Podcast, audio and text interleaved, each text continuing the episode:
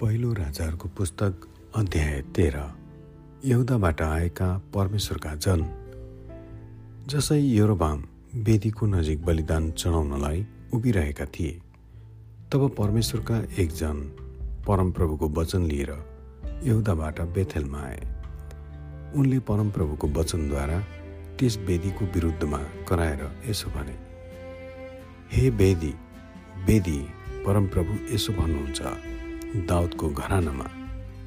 योसिया नाउँ भएको एकजना छोरो जन्मिनेछ। त्यसले त्यहाँ बलिदान चढाउने डाँडा डाँडाका थानका पुजारीहरूलाई तमाथि नै बलिदान चढाउनेछ र तमाथि मानिसका हड्डी जलाइनेछ।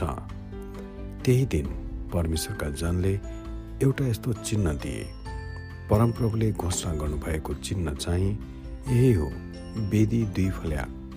गरी भत्कनेछ र त्यसमाथि भएको खरानी चाहिँ बाहिर खनाइनेछ। जब परमेश्वरका जनले बेथेलका वेदीको विरुद्धमा कराएर भनेको कुरा राजा एरोबामले सुने तब तिनले वेदीबाट आफ्नो हात पसारेर भने त्यसलाई पक्र।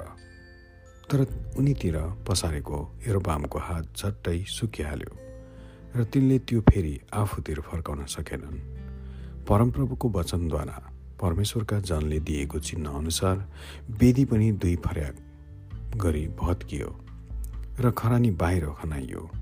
तब राजाले परमेश्वरका जनलाई भने परमप्रभु तपाईँका परमेश्वरलाई मेरो हात फेरि जिउका तिउँ पारिदिन अन्तर्वृत्ति गरिदिनुहोस्।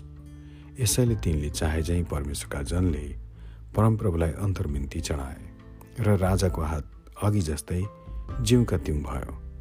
राजाले परमेश्वरका जनलाई भने मसँग मेरो घरमा आउनुहोस् र केही खानुहोस् र म तपाईँलाई केही कोसली टक्राउनेछु तर परमेश्वरका जनले राजालाई जवाफ दिए तपाईँले मलाई आफ्नो आधै सम्पत्ति दिनुभए तापनि म तपाईँसित जाने छैन। न त यहाँ रोटी खानेछु वा पानी पिउनेछु किनभने परमप्रभुको वचनले मलाई यो आज्ञा गरेको छ। तैँले त्यहाँ रोटी नखानु अथवा पानी नपिउनु। र त आएको बाटो फर्केर नजानु। यसकारण उनी अर्कै बाटो भएर गए र उनी बेथेलमा आएको बाटो भएर फर्केनन्। त्यसबेला बेथेलमा एकजना वृद्ध अगमवक्ता थिए। तिनका छोराहरू आएर बेथेलमा त्यस दिन परमेश्वरका जनले गरेका सबै कुरा तिनलाई सुनाइदिए। उनले राजालाई भनेका कुरा पनि तिनीहरूले आफ्ना बुवालाई सुनाइदिए।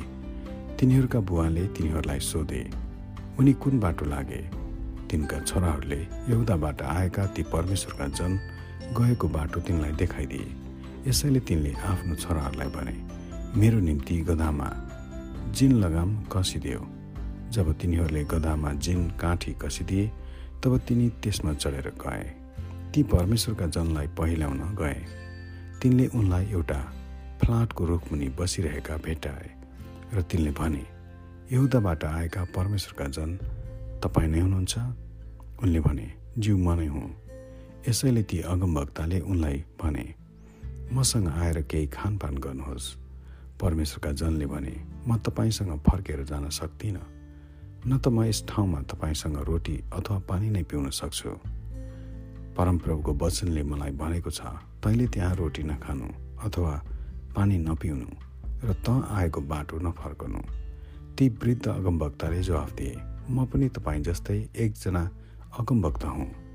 परमप्रभुको वचनद्वारा मसँग खान र पिउन तपाईँलाई मेरो घरमा ल्याउनु भनी एउटा स्वर्गदूतले मलाई भन्नुभएको छ।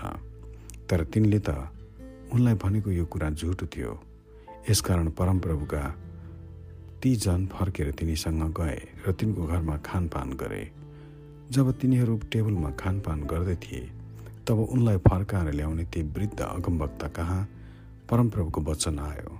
तिनले यहुदाबाट आएका ती परमेश्वरका जनलाई कराएर भने परमप्रभु यसो भन्नुहुन्छ तैँले आफ्ना परमप्रभुको वचनलाई तुच्छ ठानेको छस् र परमप्रभु तेरा परमेश्वरले तँलाई दिनुभएको आज्ञालाई मानेको छैनस्।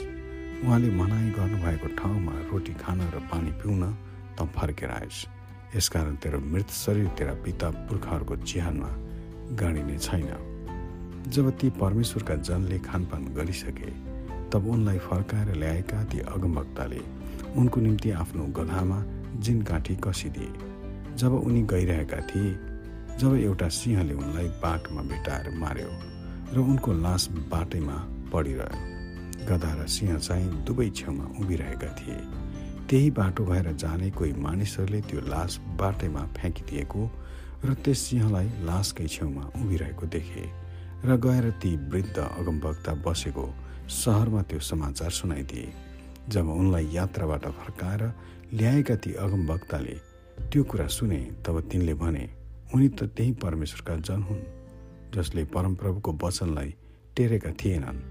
परमप्रभुले उनलाई सिंहको मुखमा पर्न दिनुभएको छ र परमप्रभुको वचनले चेतावनी दिए झैँ त्यस सिंहले उनलाई फराएर मारेछ। ती अगमवक्ताले आफ्ना छोराहरूलाई भने मेरो निम्ति गधामा जेन काठी कसिदियो।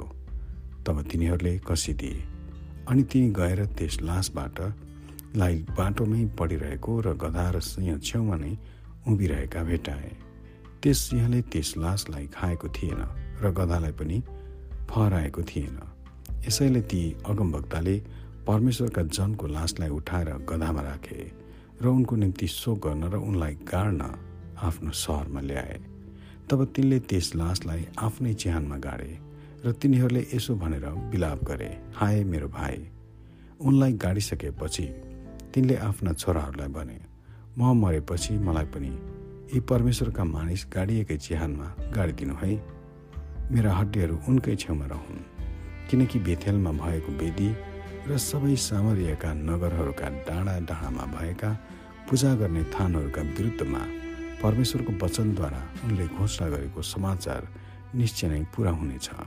त्यसपछि पनि एरोबामले आफ्नो दुष्ट चालहरू त्यागेनन् तर डाँडा डाँडाहरूमा भएका पूजा गर्ने थानहरूका निम्ति तिनले सबै थरीका मानिसहरूबाट पुजारीहरू नियुक्त गरे। पुजारीहरू हुन चाहने कुनै पनि मानिसलाई डाँडाका थानहरूका निम्ति तिनले नियुक्त गरे। एरोबामको घरानाको पाप यही थियो जसले गर्दा त्यसको पतन भयो र पृथ्वीबाट त्यसको सर्वनाश भयो। आमेन।